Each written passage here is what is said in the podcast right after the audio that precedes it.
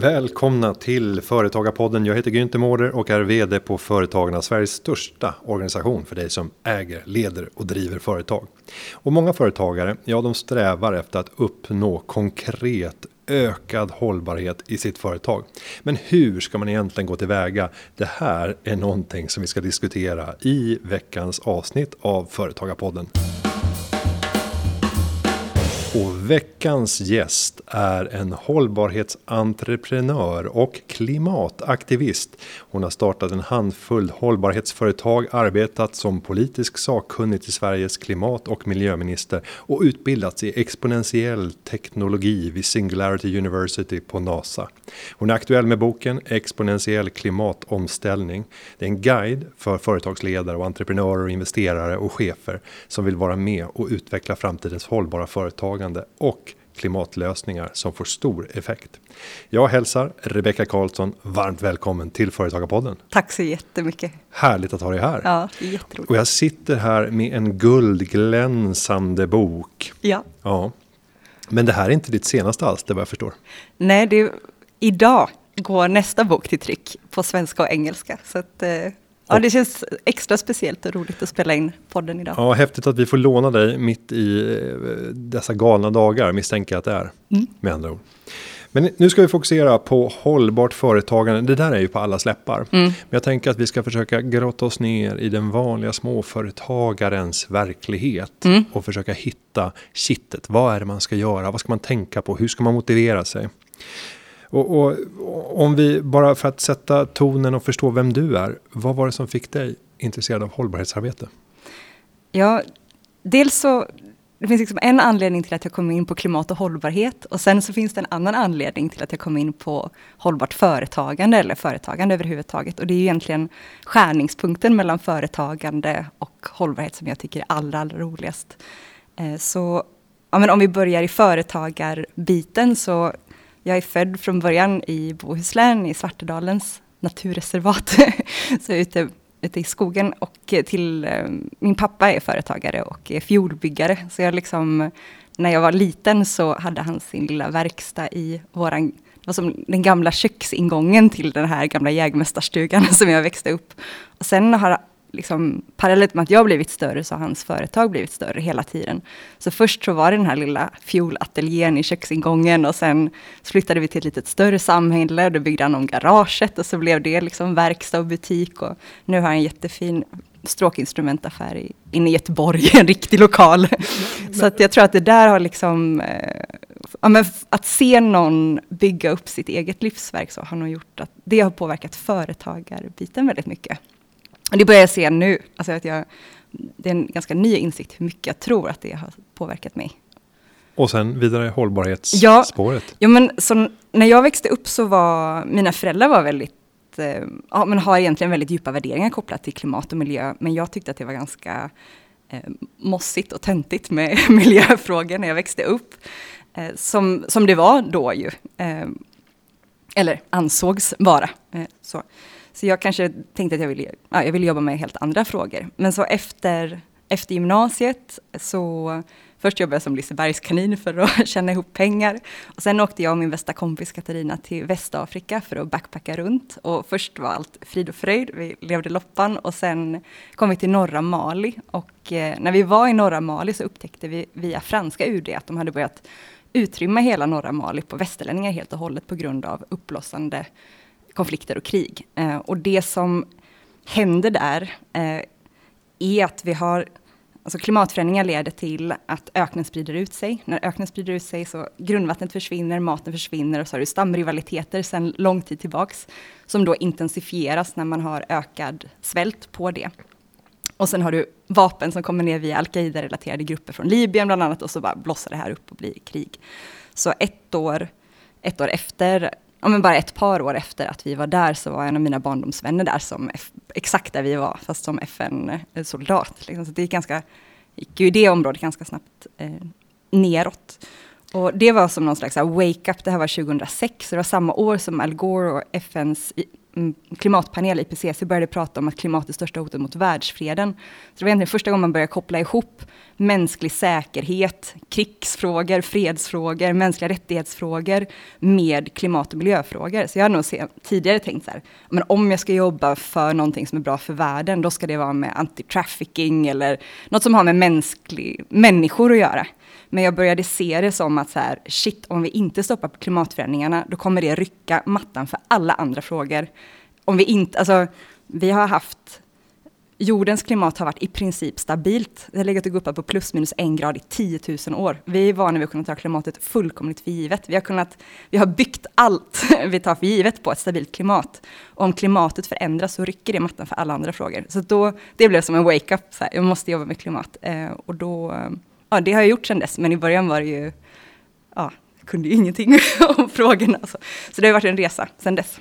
Men eh, idag sitter du här och är en eh, stor inspiratör, rådgivare och eh, sannolikt eh, tanke och kunskapsspridare inom området eh, för att etablera sig inom hållbarhetsfältet och diskursen.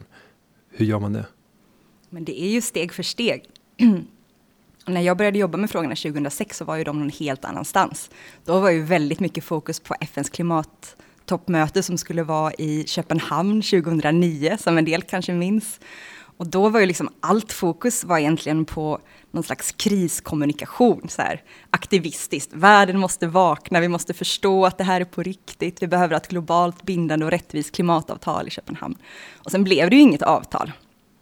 Eh, utan det kollapsade och vad som kom ur det var någon slags andra vågen med, med en massa småföretagare bland annat som börjar ta saken i egna händer och andra också som börjar ta fram konkreta lösningar fast om än på, små, på liten skala. Och sen, ehm, sen upplever jag att frågorna, ja, men kanske runt 2015, alltså in, uppbyggnaden till Parisavtalet då hände ju något, det var ett stort skifte genom näringslivet. Att man gick från så här, ska vi ställa om, ska vi inte ställa om, till vi ska ställa om. Eh, och, och nu är ju frågorna ja, mer aktuella än någonsin, men samtidigt är det ju bara i början på hur det kommer vara framåt också. Vi gör ju undersökningar på medlemmarna i Företagarna och där säger 9 av 10 att det är viktigt för eh, dem själva som företagare att ta ett samhällsansvar och mm. arbeta med hållbarhetsarbetet. Mm. Vad är det de här företagarna som tycker att den här frågan är så viktig behöver för stöd för att kunna göra någonting effektivt av det? Mm. Jag tror att för, för 9 av 10 skulle jag gissa, eh, så är det att man behöver kunskap. Det är väldigt, det är stora om vi pratar om vad, vad, det innebär att ta sig an hållbarhetsfrågorna först, så finns det som två delar kan man säga. Det ena handlar ju om att, om att driva sitt eget, håll, sitt eget företag på ett hållbart sätt, oavsett vad man har för affärsidé eller affärsmodell. Men den riktigt stora möjligheten nu, det kommer ju i att uppgradera själva kärnaffären i relation till hållbarhet. Så det finns väldigt stora lik, nu finns det väldigt stora likheter egentligen mellan hållbarhet och digitalisering. Så man kan se det tycker jag lite grann som att det är två stora megatrender som ritar om affärslandskapet framåt, mer än några andra trender. Det är exponentiella teknologier som en vidare förlängning av digitaliseringen å ena sidan. Och sen är den andra stora megatrenden, det är omställningen till hållbarhet och det är klimat, men det är också bredden av hållbarhetsfrågor. Och de här två de här två stora megatrenderna ritar om affärslandskapet men ritar också om hur man bör kanske rigga själva affärsmodellen eller affärsidén. Så för tio år sedan var det ju bara digitala företag som hade digitalisering i kärnan av affären medan de flesta företag fortsatte ju ungefär som tidigare. Men man kanske la på lite digitalisering på toppen av en i grunden icke-digital affärsmodell. Men idag så de flesta företag med självaktning tar ju affärsmodellen och ser hur kan vi uppgradera den så att själva att, själva kärnan drar nytta av den här utvecklingen. Och precis samma sak händer ju nu i relation till hållbarhet. Så för tio år sedan var det bara hållbarhetsföretag som hade hållbarhet i kärnan av affären. Medan gemene företag fortsatte med en i grunden kanske ganska ohållbar på vissa sätt affärsmodell och så la man lite CSR eller lite olika typer av hållbarhetskuriosa liksom, på toppen av en, av en icke hållbar affärsmodell. Men det som vi ser nu det är ju att allt fler företag tar sin affärsmodell och ser hur kan vi hur kan vi rigga själva kärnaffären så att ju mer framgångsrika vi blir, desto mer hållbarhet producerar vi samtidigt, eller bidrar vi till samtidigt. Och där är kanske den största, den största skillnaden utifrån ett företagares perspektiv. Och där är det egentligen det handlar ju om kunskap. Alltså hur får man förutsättningar att, att söka kunskap som är i framkant så att man kan få, ja, att man kan ta fram nya hållbara affärsmodeller som, som är ganska pionjära egentligen.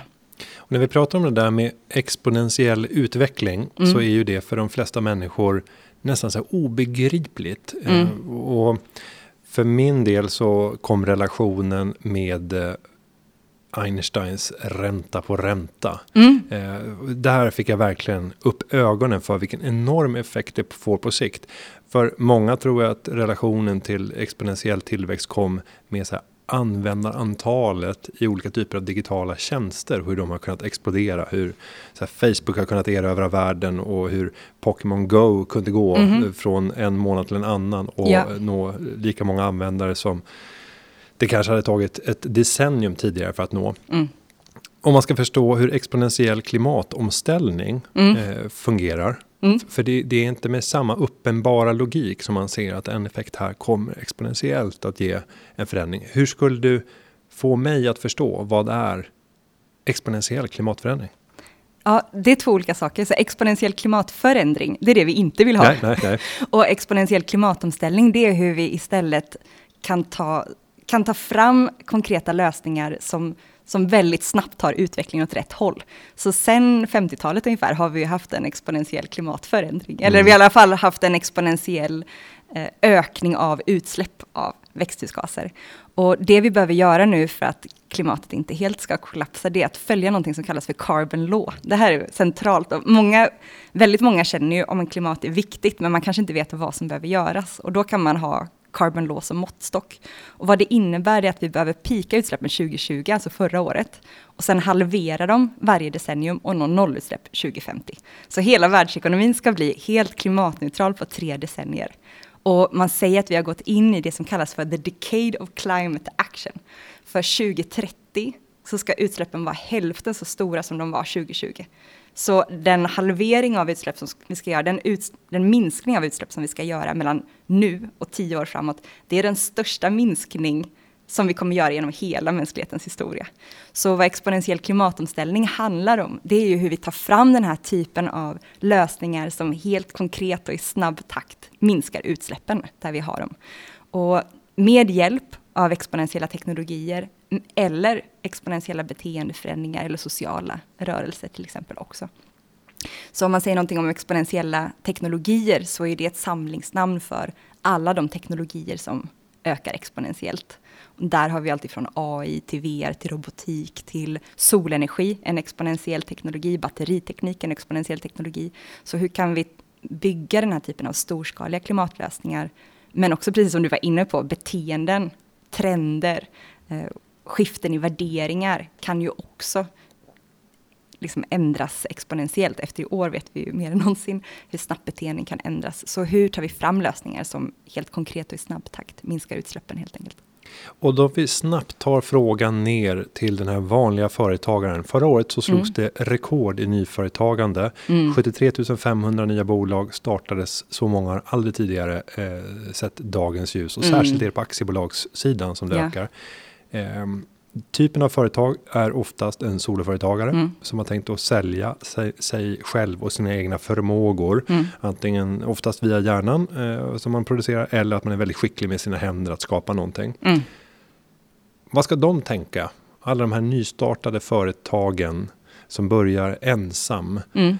Kan de göra någon skillnad tror du? Anser du? Ja, men jättestor skillnad. Och det har ju att göra med Alltså klimatomställningen har ju haft olika faser. Och nu går den ju in i den här fasen som är den kreativa, konstruktiva, konkreta fasen. Det handlar om att helt handfast ta fram olika lösningar som minskar utsläppen. Och det är både företagarnas och näringslivets, liksom stornäringslivets det är där den största förändringen kommer göras, för att, för att det helt enkelt handlar om att ta fram konkreta lösningar.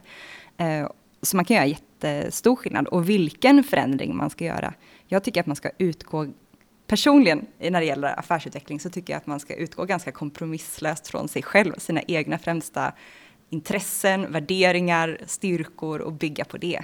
Och en sak som är positiv också i att hela världsekonomin ska ställas om, det är ju att det behövs hållbarhetslösningar precis överallt. Så det handlar inte, om man vill börja utveckla hållbara affärsmodeller, så handlar inte det om att byta bransch eller byta nisch ens, utan att så här, okej, okay, där jag är och där mina främsta styrkor är, vilka är de största hållbarhetsutmaningarna där och kan jag ta fram en lösning för det? Eller kan jag till och med ta fram en lösning där som jag kan, som också hjälper andra? Alltså var finns de stora, eh, den stora efterfrågan på det området? Så att börja nära och identifiera problem och ta fram lösningar till de problemen. Och nu låtsas jag vara en av de här, mm. alla nya företagarna. Eh, jag har startat ett tjänsteföretag, jag ska hjälpa andra företag med någonting mm. som jag använder mitt huvud till. Jag använder en dator för att lösa det och jag skickar iväg eh, mina färdiga lösningar av något slag mm. och får betalt för det. Och då tänker jag så här att Ja, men jag, jag, sitter ju hemma, jag har min dator, jag kör de flesta mötena digitalt. Mm. Hur ska jag kunna göra någon skillnad? Din skillnad gör du ju i vad du hjälper andra med. Det, är där det, och det där är viktigt att hålla isär, för att det är klart att det är viktigt att få ner sina utsläpp i egna leverantörsled eller i sina egna transporter eller så. Men, men den absolut största möjligheten som vi har, både, både hållbarhetsmässigt men också affärsmässigt, det ligger ju just i i hur vi använder vår unika kapacitet för att ta fram affärsidéer eller affärsmodeller som är hållbara i sig. Så hur kan du hjälpa många fler att snabbt ställa om inom en viss, en viss nisch av omställningen? Och om jag ska försöka tänka då hur jag skulle kunna resonera mm. så kan man ju tänka en sån här värdekedja klassisk. Så här, vad är det jag behöver för att göra någonting i min del av värdekedjan för mm. att sen lämna vidare. Ehm, men då låter det som att ett tips är att eh, titta mycket framåt men också titta bakåt i värdekedjan för att ställa sig frågan ja, vad, vad kan jag själv göra i rollen som köpare av det jag behöver för att leverera nästa steg. Ja, och man kan ju också vara medveten om att troligtvis så både dina kunder och dina leverantörer vill ju tro, de är troligtvis i samma resa. Alltså det som, det som är påtagligt där vi är nu, de, de flesta vill ställa om nu. Man, man förstår att hållbarhet är en megatrend, man förstår att det bara kommer bli mer och mer efterfrågan, men det betyder inte att man vet hur man ska göra. Så om man kan hitta varann och se, okej, okay, troligtvis vill mina kunder ställa om också. Om jag kan hjälpa dem att ställa om, det kommer finnas en efterfrågan på det. Säg att du är konsult och hjälper restauranger köpa in engångsartiklar. Ja, men då, förra året så producerades det tror jag, 25 miljoner ton engångsförpackningar i Europa. Kan du hjälpa dina, kan du guida då till mer hållbara beteenden?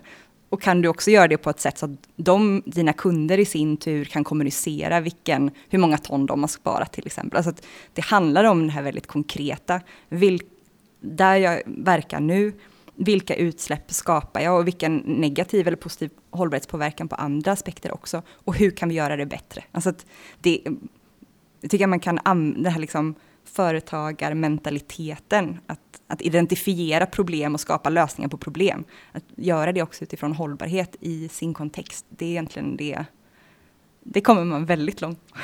Och sen handlar det ju också, tänker jag, om att eh, kunna kommunicera det man själv gör. Mm. Det man hjälper andra med eller de åtgärder som man vidtar själv.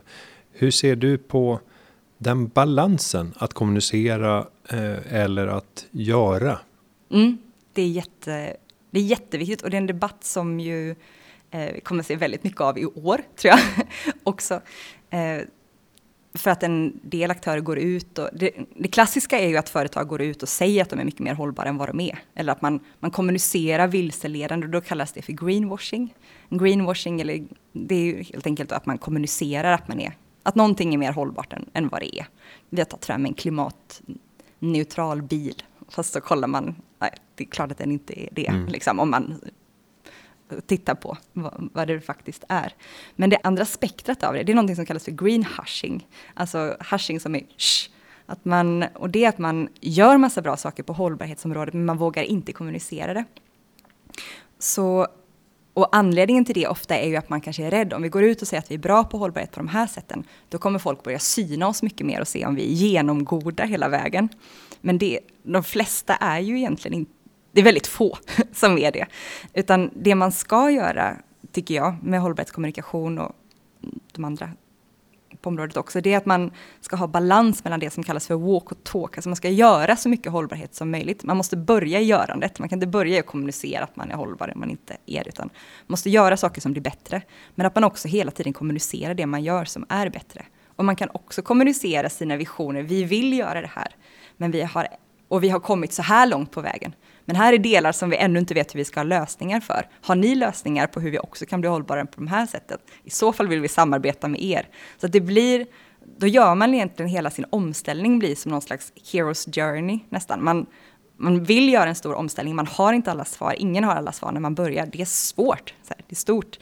Eh, det är som att digitalisera ett helt företag också. Ingen vet alla lösningar från början, utan det är ju att man itererar och skapar nya lösningar och försöker åstadkomma någonting. Men att man är öppen och transparent och kommunicerar vad man vill. Man kommunicerar sina mål, man kommunicerar vad man har lyckats med, man kanske också kommunicerar vad man inte lyckas med. Och på olika sätt söker samarbeten med andra utanför. Och, och menar, det blir ofta väldigt bra. Menar du att man även ska berätta vad man inte är bra på? Ja, jag tycker det. Ja. Eh, och jag tycker att det också skapar förtroende för ett sådant företag. Alltså om ett företag går ut och säger på riktigt, ja men ta, ta Ikea som exempel då. Ikea står just nu för 0,1 procent av världens totala utsläpp. Eh, de ska bli klimatneutrala till 2030. Men säger deras vd Jesper Brodin, ja men i realiteten har vi två, tre, kanske fyra år på oss att ta fram alla lösningar för att hinna implementera dem så att vi de facto kan bli klimatneutrala 2030. Och då behöver man ha lösningar för allt ifrån skum i madrasser till porslin som ingen jäkel i hela världen vet hur man ska lösa till varenda liten komponent ju i hela deras extremt komplexa portfölj av produkter. Då måste man ju gå ut och säga vi vet inte hur vi ska lösa porslin, om ni har lösningen för porslin vill vi samarbeta med er. Eller vi vill hitta ett sätt att återvinna skum i madrasser. Vi måste hitta er. Alltså, man, man gör någonting som är stort och viktigt om man bjuder in andra. Man är öppen och transparent och skapar engagemang genom att bjuda in andra till vad man också inte har lösningar på. Jag tror att det är mycket mer meningsfullt att vara del i en sån resa än någon som är perfekt. För det, det vet alla att ingen är det är för stor omställning som vi håller på med. Och jag tänker att det där är också en väldigt vanlig sak som görs inom företagen när det kommer till eh, ja, normal business. På många av våra medlemsmöten så uppmanar vi till att så här, berätta vilka utmaningar du tampas med ja. just nu. Ja. Och vara öppen mot andra medlemmar så att de kan komma med feedback och säga hur de skulle tänkt eller vad de har gjort eller dela med sig av erfarenheter eller ställa dig i kontakt med en person som kan lösa ett problem. Så egentligen är det bara precis samma sak som vi ja. alltid har gjort men att våga tänka lite andra saker. Eh, sen tänker jag också att eh, det som mäts, det blir gjort. Det är mm. en enkel ledarskapsgrej. Så här, mm. Börja mät och följ upp och sätt mål och gör det på individbasis. Ackumulera det, visa upp för hela organisationen. Mm. När det gäller den impact som man kan ha mm. på hållbarhetsområdet. Hur viktigt anser du att vi ska tänka precis som i, i övrig affär? Att kunna hitta de här mättalen som gör att vi faktiskt kan följa upp det. Även om det kanske är trubbigt och svårt att få exakthet inom. Ja, men det kan ju vara trubbigt och svårt om det är komplext såklart. Men jag tycker att hmm, det beror så mycket på vilket företag det är tycker jag. Men det som kan vara väldigt motiverande och hjälpsamt det är ju att ha mättal för den positiva påverkan som man gör. Alltså säg att man bara, vi vill, vi vill påskynda utbyggnaden av solenergi. Om man då kan säga ja, men vi, så här många paneler har vi fått ut eller så här mycket sparar vi idag. Alltså, att man har en, en positiv påverkan som man kan följa och, och mäta. Det är ju viktigt. Ja. Så hitta några, några konkreta talar för att förhålla sig till och kunna, ja. kunna följa upp. Ja, och det är ju jättebra att mäta sin negativa påverkan också. Men det viktigaste är inte att man mäter, utan det viktigaste är ju att man snabbt blir bättre. Så att man heller inte fastnar i att det är någon slags räkne exercise. För att till syvende och sist handlar det ju om att i konkreta termer minska utsläpp. Och det är det viktigaste att man gör ju, att man snabbt går åt rätt håll. Om vi sen tittar på småföretagandet så har vi väldigt vitt skilda branscher. De största inom företagarna är konsulter i vid mening, mm. övriga företagstjänster. Sen kommer hantverk, bygg mm. eh, och därefter tillverkningsindustri och handel. Mm de här fyra sektorerna, vilken skulle du säga har mest att göra när det kommer till hållbarhet, håll, hållbarhetsarbetet? Ja, men bygg är ju verkligen en sektor där jag tror att det är 30 procent av utsläppen ungefär kommer från bygg nu. Det är ju en alltså, enorm påverkan. Om man kollar detaljhandel, då beror det på vad det är. Eller typ som mat har ju på många sätt eh, som sektor kanske kommit lite längre och medvetenheten är högre. Om du kollar på elektronikvaror kanske den har kommit mycket kortare. Så det är så olika inom olika, olika nischer. Och tar man just inom, inom bygg så tänker jag att det också kan finnas utmaningar kopplat till att det finns massa regler som har tillkommit och ålagts branschen som gör till exempel att det måste vara skilda yrkesgrupper som gör olika arbetsmoment. Mm. Jag kommer själv från byggbranschen ursprungligen och då vet jag den här irritationen som kunde finnas inom mig när jag visste att nu kommer en arbetsuppgift som jag kan utföra men jag får inte utföra det. Mm. För att det ska göras av en annan yrkesgrupp. Mm. Och det fanns både en facklig aspekt på det. Att man hade förhandlat fram att man inte skulle ge sig in på varandras områden. Men det fanns också olika typer av certifieringar och behörighetsnivåer. Som gjorde att man effektivt separerade yrkes, yrkesgrupper ännu tydligare från varandra. Mm. Och så fick vi ineffektiva byggprocesser. Om vi resonerar utifrån det. Då, då blir ju frågan om utveckling och att kunna skapa det hållbara. Mm. En så mycket större fråga. Hur hänger vi med på det här området när det gäller här, lagstiftningsfrågor, när det mm. gäller politikens påverkan, när det gäller så här, fackförbunds och mm. arbetsgivarorganisationers ansvar för att möjliggöra. Mm. Men det finns ju enorm möjlighet att snabba på omställningen med hjälp av policyinnovation också. Och där kan jag tycka så här nu, om jag tittar bland mina egna vänner som de flesta jobbar med hållbarhet på olika sätt. Och många väljer kanske att göra det som entreprenörer för att det blir snabbrörligare, man känner att man kan skala saker snabbare, man kan gå före, man kan ta fram innovationer som ligger i framkant på olika sätt. Men det vi minst lika mycket borde göra, det är ju att vara i politiken också och bedriva lika mycket innovation inom politiken. För policyutvecklingen behöver ju, det behövs ju minst lika mycket innovation där det kan jag känna, där det finns jättebra personer i politiken, men vi är många fler som borde vara i politiken mer. Just i relation till politikutvecklingen. För om utvecklingen ska gå så snabbt på andra områden, då behöver politiken följa med och det gör den ju inte automatiskt. Den följer ju bara med om någon sätter sig ner och funderar på hur man kan ta fram bättre policyförslag. Någonting som har kommit senaste åren som är ett verk av gemensamt samarbete och en gemensam vilja. Det är ju FNs globala hållbarhetsmål. Mm. Och eh, där märker jag ju att allt fler småföretagare börjar sätta sig ner mm. med de här 17 mm. ja, globala hållbarhetsmålen och titta på vad kan jag göra för, för skillnad. Mm. Eh, och visst har det kommit rätt mycket inspiration som har släppts för hur man som företagare kan tänka. Om du skulle ge tips mm. till företagare som vill använda Eh, de globala hållbarhetsmålen som en grund för att sen börja formulera ett antal mål för den egna verksamheten. Mm. Eh, vad skulle du tipsa om då? Ja, men dels det man vill göra när man när man börjar jobba med hållbarhet som, som företag, det är ju både hitta den nisch inom hållbarhet där man kan göra ett betydande bidrag eller rent av bli pionjär eller rent av världsledande. Alltså vilk, av allt det här, var, var är en nisch som vi kan bli väldigt bra på, där vi också kan få en positiv momentum? För när man blir verkligen i framkant på någonting och hjälper till att ta fram lösningar som inte finns tidigare, då kommer det ju med positiv publicitet, folk börjar vilja jobba för en, det händer massa saker som kommer bara av att man ligger i framkant och tar fram nya lösningar. Men det man också vill göra samtidigt, det är att hela tiden verka utifrån en förståelse för bredden av hållbarhetsfrågor. Så ibland i relation till FNs 17 hållbarhetsmål så blir det lite det blir, om man tittar på dem så ser det ut lite som en pralinask eller som 17 färgglada boxar bredvid varann och så ibland så säger man så här, oh, vilket är ditt favoritmål? Ja, men vi tar oss an det här målet. Men om vi kommer tillbaks till vad hållbarhet egentligen är så kommer hållbar utveckling från ett begrepp som myntades 1987, samma år som jag själv är född, eh, av Bruntland. I, så Bruntland som var tidigare statsminister, premiär, statsminister i Norge, eh, la fram Brundtland-definitionen till FN. Och där definierar man hållbarhet som en utveckling där vi kan möta dagens generationers behov utan att äventyra kommande generationer om deras möjligheter att också möta sina behov. Så det är ju det som är syftet med hela grejen, det är att vi ska kunna leva goda liv på planeten här och nu och att kommande generationer också ska kunna göra det. Och om man då tittar på FNs 17 hållbarhetsmål, då är de, alla de 17 aspekterna är förvisso viktiga för en hållbar utveckling, men de är absolut inte lika viktiga. Så där har man kommit lite fel.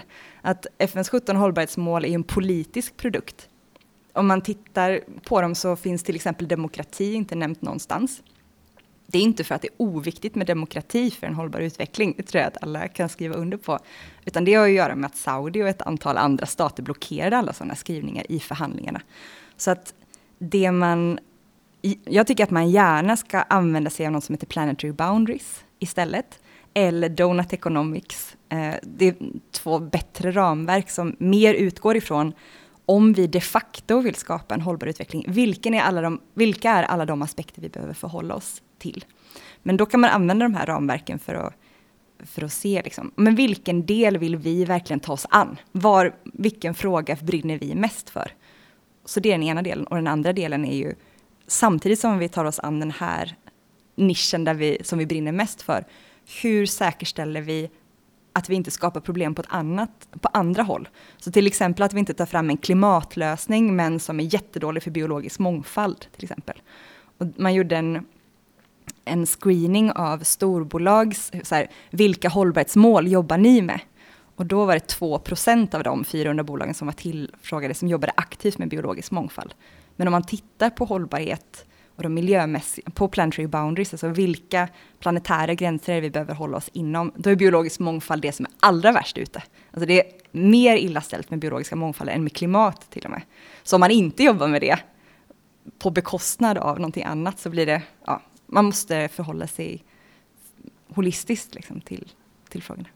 Och eh, om du skulle fresta lite grann kring de positiva delarna som en företag, eh, företagare kan åtnjuta av mm. att faktiskt nu bestämma sig för att men jag vill först skaffa mig mer kunskaper. Ja. Kanske så gör man det genom att läsa boken Exponentiell klimatomställning. Ja. Eh, som, som är en eh, nästan en tegelsten men uppdelad ja. i tre stycken delar, eller hur? Mm. Ja, den är skriven i tre delar som blir mer och mer konkreta. Så att tanken med den där boken det är liksom att det, det ska vara allt du behöver. Mm. Om du har den, då ska du inte behöva något mer. Det var tanken när jag skrev den. Så första delen är som en crash course i klimat, i hållbarhet, i exponentiell tech och exponentiella beteendeförändringar. Alltså egentligen, vad är det vi behöver göra kopplat till klimat och hållbarhet?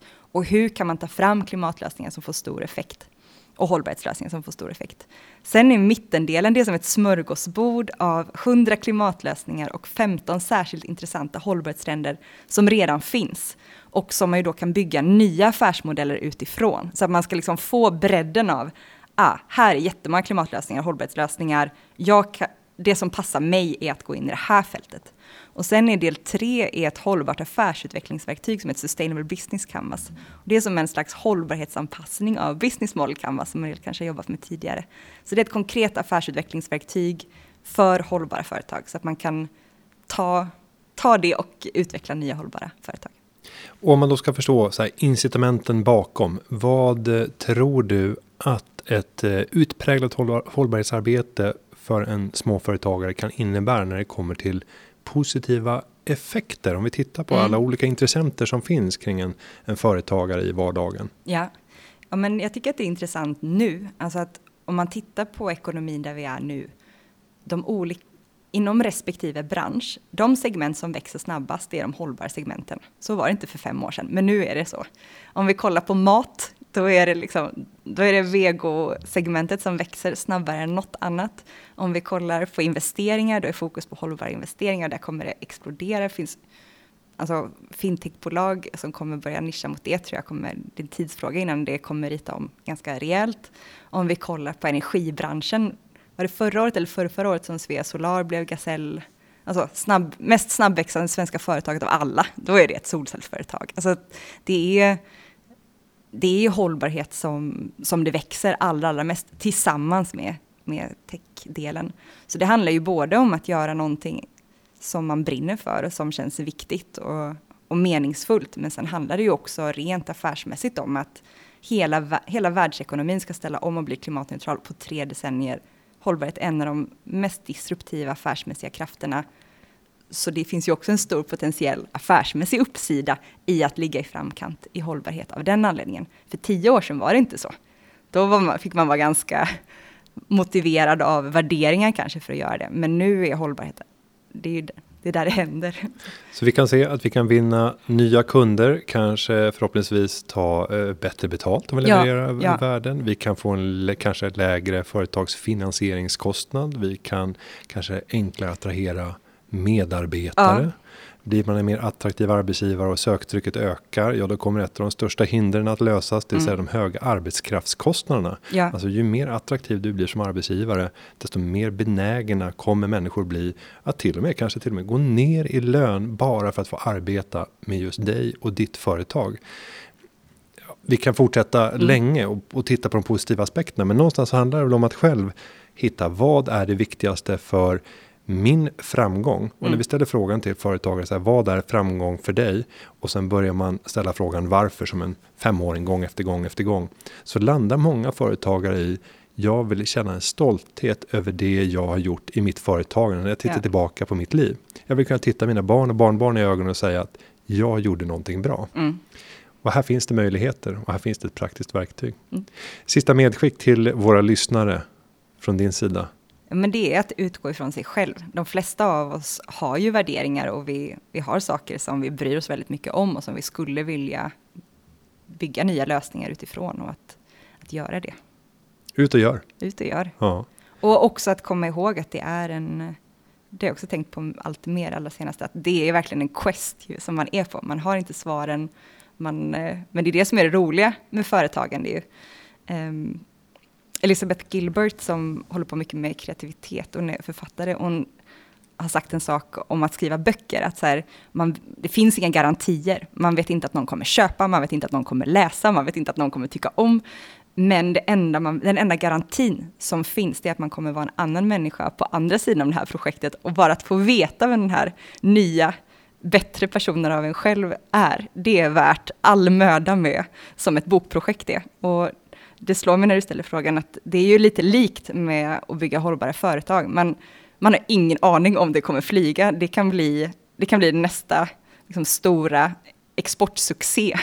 Eller så blir det inte det. Men man vet att man kommer träffa människor och lära sig saker och lära sig saker om sig själv och få vara med om en massa spännande saker som man inte kommer få göra om man inte ger sig ut på den här resan som det ju är att bygga företag, alltid, och hållbara företag ännu mer eftersom att det händer så himla mycket spännande i det fältet nu, framåt.